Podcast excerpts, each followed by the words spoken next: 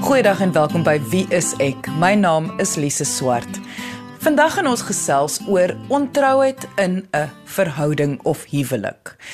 Dit is 'n baie sensitiewe onderwerp. Dit is ook 'n onderwerp wat so oud is soos die berge, want daar is natuurlik emosionele implikasies. Daar is baie keer finansiële implikasies. Daar is waardesisteme, waardes wat ter sprake is, verskille in opinies. So my twee gaste vandag is sielkundiges Louis Averbag en Christine Nel wat twee luisteraarsbriewe oor hierdie onderwerp gaan beantwoord. Net sê dis twee briewe wat letterlik die teenoorgestelde van mekaar is. So kom ons luister na die eerste brief wat Louis vir ons gaan beantwoord. Ek dink my man is besig om op my te cheat. Ons is al 15 jaar getroud met twee dogtertjies. Toe ons net 2 jaar getroud was, het dieselfde gebeur. Hy het afsydig geraak, minder tyd by die huis spandeer en my amper heeltemal geïgnoreer. Toe ek hom uitvang, was ek swanger met ons eerste kind en ons het hard saamgewerk om ons verhouding te red. Nou sien ek weer dieselfde gedrag en ek glo nie ek het die krag om weer daardie pad te stap nie. Maar ek is baie lief vir hom en ek wil hom nie verloor nie en ek wil hom gelukkig maak en gelukkig hou. Hoe kan ek die onderwerp aanraak sonder dat dit in 'n fight ontaard? En wat kan ek doen dat hy weer na my kyk soos 'n man na sy vrou moet kyk? Louis, ontrouheid is al hoe meer algemeen. Dit voel asof mense te maklik verveeld raak met hul lewens en opwinding op 'n ander plek gaan soek. Ek is nie meer seker of dit algemeen is of nie of meer algemeen is as wat dit was nie. Maar dit is definitief meer openbaar en dit is tegnologie. Mense kan baie moeiliker ontrou wees nou as 30 jaar gelede. Daar is net te veel inligting.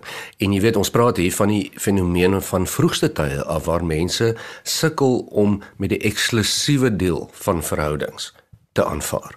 Kyk, daar's baie ander areas van die verhouding, die kommunikasie, spanwerk en al daai goed en eksklusiwiteit is een van dit. Ehm um, en dit is nogal 'n probleem altyd. Ek is nie seker hoekom nie, daar's baie teorieë daaroor. Maar dit is nog altyd 'n probleem in verhoudings gewees.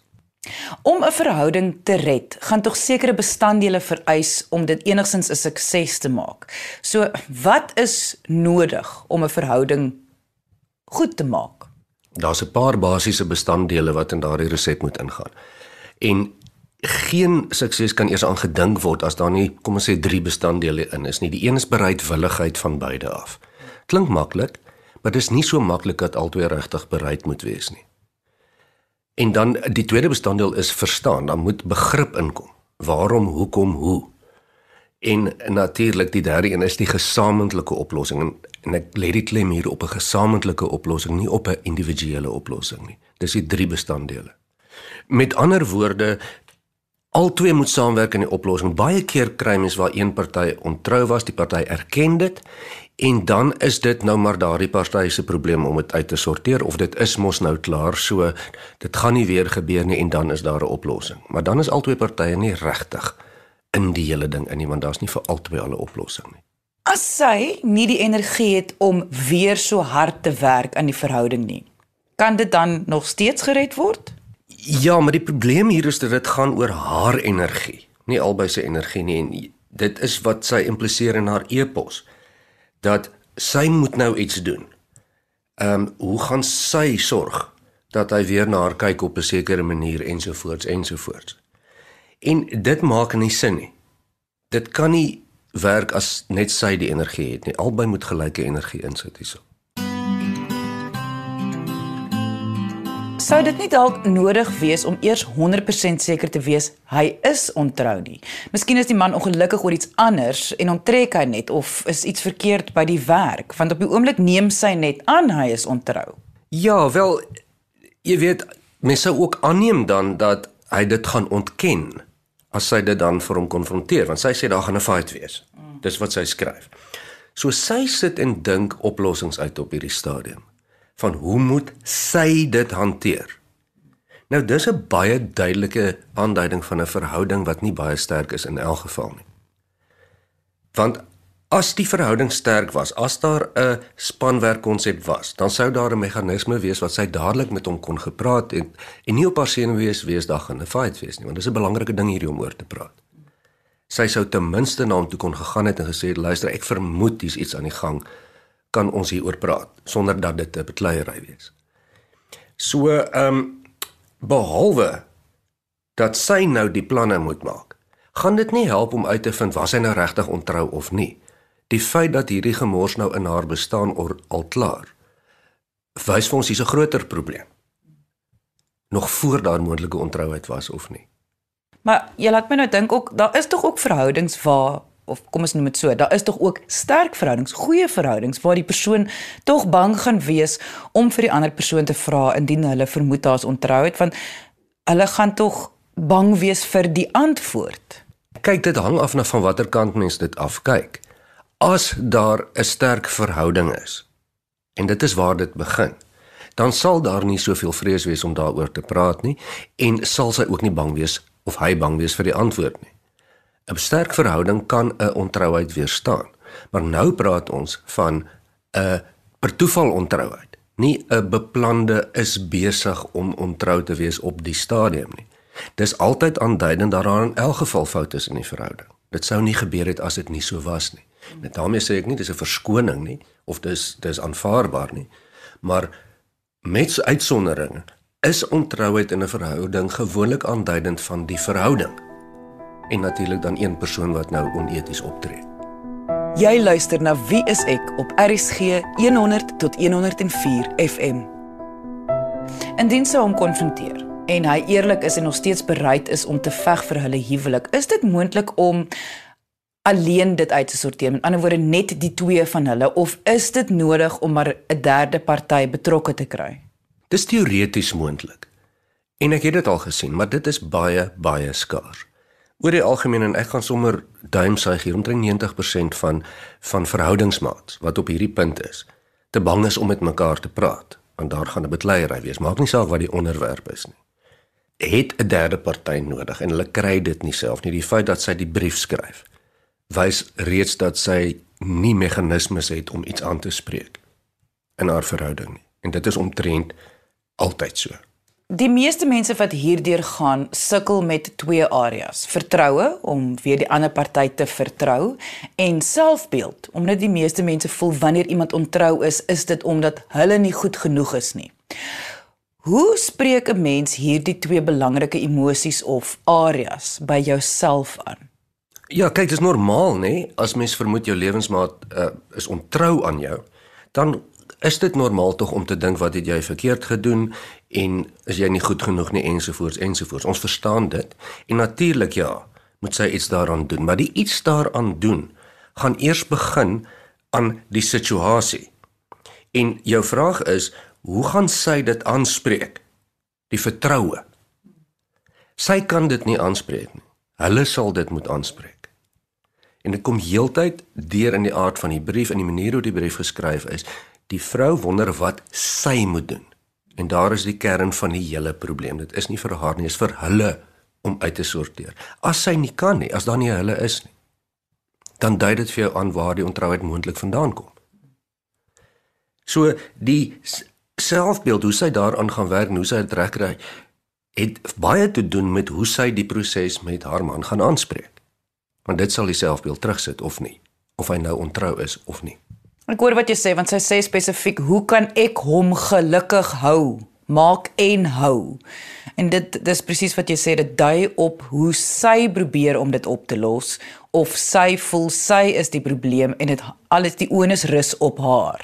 Ja en dit impliseer heeltyd dat sy sê dit is haar werk dit is haar plig. Sy moet hom gelukkig hou. Sy moet keer dat hy ontrou is. Nou dis bietjie van 'n belaglike stelling. Hy het vrywillig met haar getrou. Dit is nie haar werk dat hy nie ontrou is nie, dit is sy werk. En natuurlik weet ek 'n saak is nooit so maklik nie, daar's altyd baie kante daarvan. So ek sê dit nie in oordeel nie, maar sy kan dit nie alleen uitsorteer nie. Wat is die hoofredes hoekom mense ontrou is? En kom ons wees nou eerlik, dit is nie altyd net mans wat ontrou is nie, vroue is ook. Ja, dit is beslis nie net mans nie. En ontrouheid is nie so eenvoudig soos dit klink nie. Ek is baie baie versigtig om jy weet na swart en wit redes te kyk. En ek is baie huiwerig om te sê mense is ontrou omdat. Ek dink nie daar's regtig gelys nie. Daar's nie regtig navorsing wat wat wys hoekom individuele mense ontrou nie. Baie keer is dit seksueel, baie keer is dit ongelukkig emosioneel. Dit is te oningewikkeld, daar is te veel spesifieke omstandighede. En ongelukkig die algemene stellings hieroor. Mans loop rond. Alle mans is ontrou of alle vrouens is X of Y. Is ongelukkig nie waar nie. En jy weet hierdie redes wat mense gee. Soos byvoorbeeld as hy dit eenmal gedoen het, sal hy dit altyd doen, so asof dit in mens ingevleg is. Is ongelukkig nie regtig van toepassing en mense is net eenvoudig te ingewikkeld om algemene reëls te maak hoekom mense ontrou is. Ek neem aan dat sy baie eerlik met haarself gaan moet wees oor hoe graag sy hierdie verhouding wil red. Maar praktiese redes eenkant soos hulle kinders finansiëel ensovoorts. Wat is die regte redes om te veg vir haar verhouding? Weereens en ek is jammer om dit te sê, dit verskil geweldig van mens tot mens en van kultuur tot kultuur en selfs familie tot familie. Party mense is in verhoudings vir finansiële redes, praktiese omstandighede ensovoorts en as dit 'n ooreengekomde aangeleentheid is, is dit nie daar's niks fout daarmee nie. Dis nie vir ons om te sê wat is 'n regte rede nie. Ehm um, dit kan liefde wees, dit kan uh waardes wees, dit kan enige iets wees. Wat ook al haar rede is, want sy wil graag hierdie verhouding red, dis wat sy skryf. Is duidelik genoeg vir haar om ten minste te probeer om hierdie situasie uit te sorteer. Dit is duidelik. En dis 'n kwessie van wil jy of wil jy nie? Of voel jy jy moet maar? En daar's 'n groot verskil tussen ek moet dit seker maar uitsorteer of ek wil dit baie graag uitsorteer. My gaste is sielkundiges Christine Nel en Louis Averbag. Indien jy nou eens ingeskakel het en die volledige episode wil luister, kan jy die pot gaan aflaai op RSG se webwerf by www.rsg.co.za. Maar kom ons luister nou na die volgende brief van die dag wat Christine Nel vir ons gaan antwoord. Ek en my man is baie gelukkig getroud, maar deur die 8 jaar van ons verhouding was ek al 4 keer ontrou aan hom. Ek dink daar is iets verkeerd met my. Ek wil nie my man verloor nie, maar ek kan nie wegbly van die opwinding en 'n ander verhouding nie. Dit is vir my lekker om hierdie aandag te kry, om afsprake te maak. Alles is vir my lekker daarin. Dit is ook vir my maklik om hierdie verhoudings te stop, want gewoonlik is die ander persoon ook getroud en kan hy niks sê daaroor nie. Ek was nou onlangs weer in so 'n verhouding, maar dit raak al hoe moeiliker want ek voel skuldig. Wat as ek eintlik nie so lief is vir my man nie? Wat as my man uitvind en my los? Of wat as daar werklik iets met my verkeerd is? Ek weet nie hoe om hierdie patroon van buiteegtelike verhoudings te eindig nie. Christine, ek was so bly om hierdie brief te kry omdat dit so raar is dat vroue eerlik is oor hul ontrouheid. Die wêreld dink dit is net mans wat dit kan of sal doen. Dit is baie waar Lise, dit is baie algemeen dat 'n mens sal hoor van vrouens wat deur hulle mans verneek word of wat ontrouheid in huwelik ervaar. En dit is werklik verblydend as iemand bereid is om te erken dat dit wel met vroue ook gebeur en ons het nodig om hieroor te praat en om om hier ook die mites en probleme rondom dit te kan uitpak. Ek gaan haar vraag vra. Is daar dalk iets maar nou gaan ek dit in aanhalingstekens sit verkeerd met haar? Dit is tog nie normale gedrag nie of kan mense kies om so 'n lewe te lei? Wanneer mense kies om so 'n lewe te lei, is dit gewoonlik binne 'n verhouding waar albei partye hieroor ooreengestem het.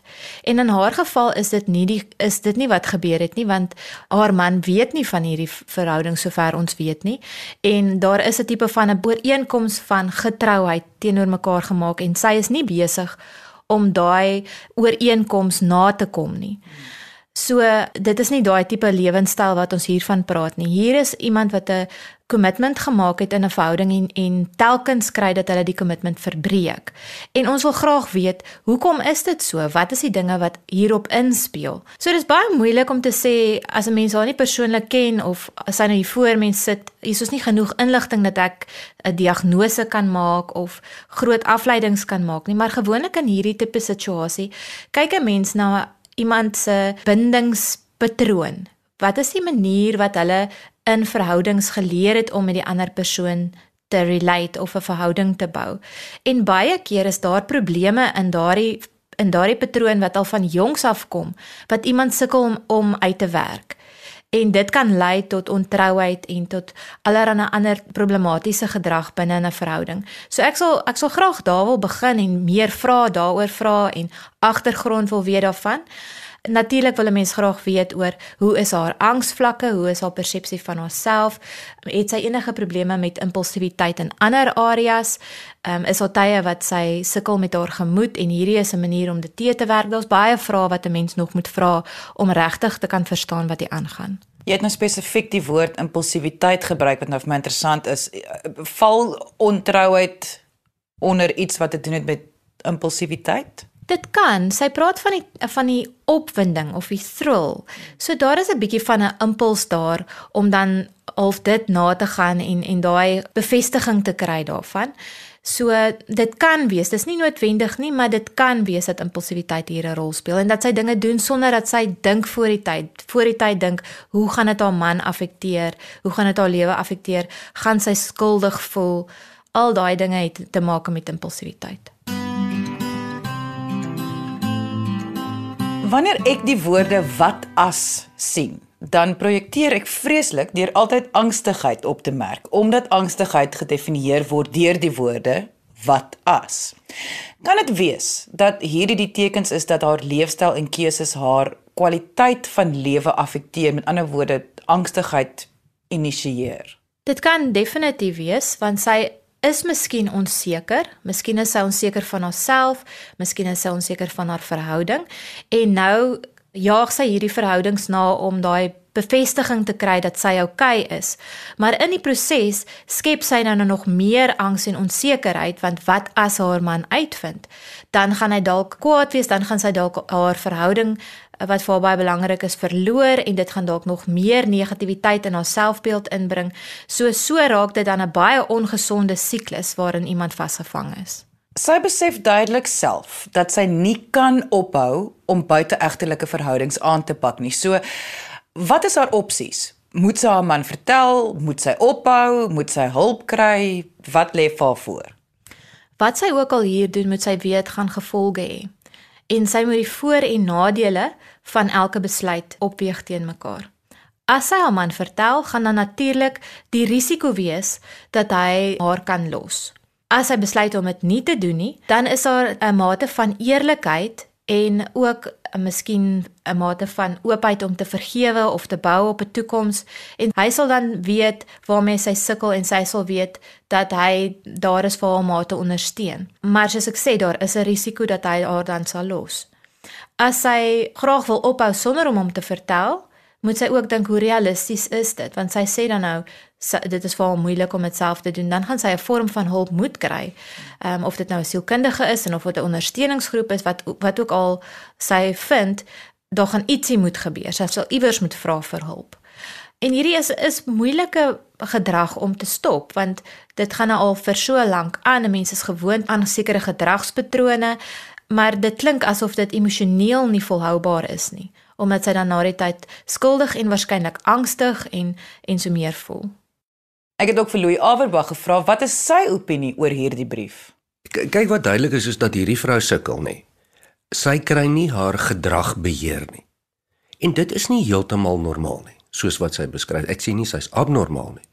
Maar die onvermoë om haarself beheer te kry in hierdie situasie ehm um, dui op baie impulsprobleme of baie sielkundige aangeleenthede wat sy regtig sal moet ondersoek. As sy nie kan stop nie, sal sy moet hulp kry. Want sy gaan haar man verloor, sy gaan sy gaan verloor dit waarvoor sy bang is sy verloor. Dit gaan gebeur.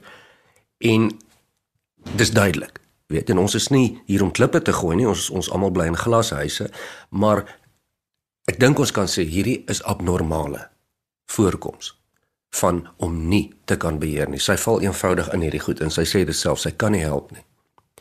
So sy het 'n probleem en sy sal dit met baie baie vinnig aanspreek. Anders gaan dit haar hele lewe vernietig. Jy luister na Wie is ek op RSG 100 tot 104 FM. Kan 'n persoon soos die skrywer of enigiemand anders in dieselfde situasie is, sommer net ophou, want dit voel nogal baie soos 'n verslawing. Weereens is daar nie 'n one size fits all antwoord vir hierdie vraag nie, maar dit kan wees dat die persoon verslaaf is aan buiteegtelike verhoudings. Daar kan 'n seksverslawing betrokke wees. En dit beteken dan dat wat ook al die persoon se stryd op daardie stadium of probleme op daardie stadium, die antwoord is dan dit wat verdoof. So om in steede van om die probleme aan te spreek soos wat dit in die persoon se lewe of verhouding of alledaagse konteks opkom, kies hulle dan om te ontvlug en hulle kies om dan deur die proses van 'n verhouding najaag, daardie gevo gewone gevoelens te onderdruk. En ongelukkig in 'n verslawing hou 'n mens dan aan met daardie gedrag al het dit negatiewe gevolge vir jou. En dit is juist wat 'n verslawing beteken want jy is dan 'n slaaf van daardie proses dan is dit baie baie moeiliker om self op te hou. Baie mense wat hierna luister sal sê sy is definitief nie lief vir haar man as sy hierdie verhoudings kies nie. Wat is jou opinie? Kan 'n mens lief wees vir iemand en hierdie keuses nog steeds maak? Ja, dit is heeltemal moontlik. Mense het baie keer konflikterende gevoelens rondom mense. So sy mag dalk baie lief wees vir haar man, maar terselfdertyd is die ehm um, ek weet nie is daar dalk iets wat moeilik is van hom om te hanteer en dan in steede van om dit met hom uit te stryk soek sy dan iets anders om haar gedagtes af te trek van dit af. Maar eh, dit hang baie af van hoe iemand geleer het om in 'n verhouding te funksioneer. Daai blueprint wat vasgelê is in die vroeë jare van hoe 'n verhouding werk en hoe iemand voel binne 'n verhouding dit is wat 'n baie groot rol speel oor hoe mense die konflikterende gevoelens wat 'n mens binne 'n verhouding het hanteer en um, watter gedrag dan gesien kan word na aanleiding daarvan. En as sy eerlik is met haar man, dat hy moet verstaan dat hy haar eerste keuse is, maar dat sy hierdie ander verhoudings nodig het, is dit iets wat mens met 'n verhoudingsmaat kan bespreek? Dit is seker nie regverdig om dit met 'n mens se verhoudingsmaat te bespreek en hulle het dan die keuse oor hoe hulle daaroor voel. Solank as wat 'n mens iets vir iemand moet wegsteek, is dit nie regtig 'n regverdige vergelyking nie, want hulle kan nie sê hoe hulle daaroor voel of besluite daaroor maak nie. So indien 'n mens voel dat jy geregverdig is om wel aan te hou met die verhoudings, is dit seker net die regverdige ding om dan dit dit te bespreek met 'n mens se verhoudingsmaat. Maar ek neem aan sy sal dan moet aanvaar as dit nie vir hom aanvaarbaar is nie, is dit net maar hoe dit is. Dit is so. Eerlikheid het altyd daai risiko dat jy nie die antwoorde gaan kry wat jy wil hê nie, maar eerlikheid is 'n baie gesonder basis vir 'n verhouding as om oneerlik te wees en en dinge weg te steek wat moontlik jou verhoudingsmaat kan seermaak. Sou 'n derde party, soos 'n sielkundige, nie kon help om hulle saam deur so 'n proses te help nie om haar aan hom te verduidelik dat hy 100% verstaan en dat hulle dan saam 'n plan kan uitwerk. 'n Sielkundige kan definitief 'n baie belangrike rol speel. Wat vir my belangrik sal wees is om die vrou te help om haarself vir haar man te verduidelik. 'n Mens kan natuurlik 'n neutrale fasiliteerder rol speel, maar dit is baie belangrik dat sy leer verstaan wat hierdie gedrag beteken en waar dit vandaan kom. En terselfdertyd is dit ook baie belangrik dat die man dan 'n eerlike respons daarop kan hê en kan sê hoe hy daaroor voel en wat hy daaraan wil doen. En dan as daai alles op die tafel is, dan is dit moontlik om om almal saam 'n plan te maak oor hoe om die verhouding verder te hanteer. Hierdie goed los nie self op nie. Mens kan sien, sy kan nie help om hierin te uh, val nie en sy noem dit ook sy kry bevestiging, sy kry aandag wat dit ook al is wat sy daar uit kry. Die punt is sy kan nie dit keer nie. Dit beteken dit gaan net aanhou en aanhou en aanhou totdat dit uitkom of op iets anders ongelukkigs afspeel. Ja, in 'n ideale wêreld sal ek baie graag wil hê dat sy um, met 'n sielkundige gaan gesels wat 'n neutrale persoon is wat haar kan help om haar om haarself en haar gedrag te verstaan en dan ook hoe om die situasie met 'n man te hanteer en wat hulle verskillende opsies sal wees. Indien jy enige vrae het oor vandag se onderwerp of net jou storie met ons wil deel, kan jy ons kontak deur ons webwerf by www.wieisek.co.za of jy kan kom saamgesels op ons Facebookblad onder wieiseksa. Dankie dat jy vandag ingeskakel het. Ons maak weer so volgende Vrydag in die gewone tyd geleef, 12:30, net hier op RSG. Jy moet 'n heerlike naweek hê he, en onthou, kyk mooi na jouself.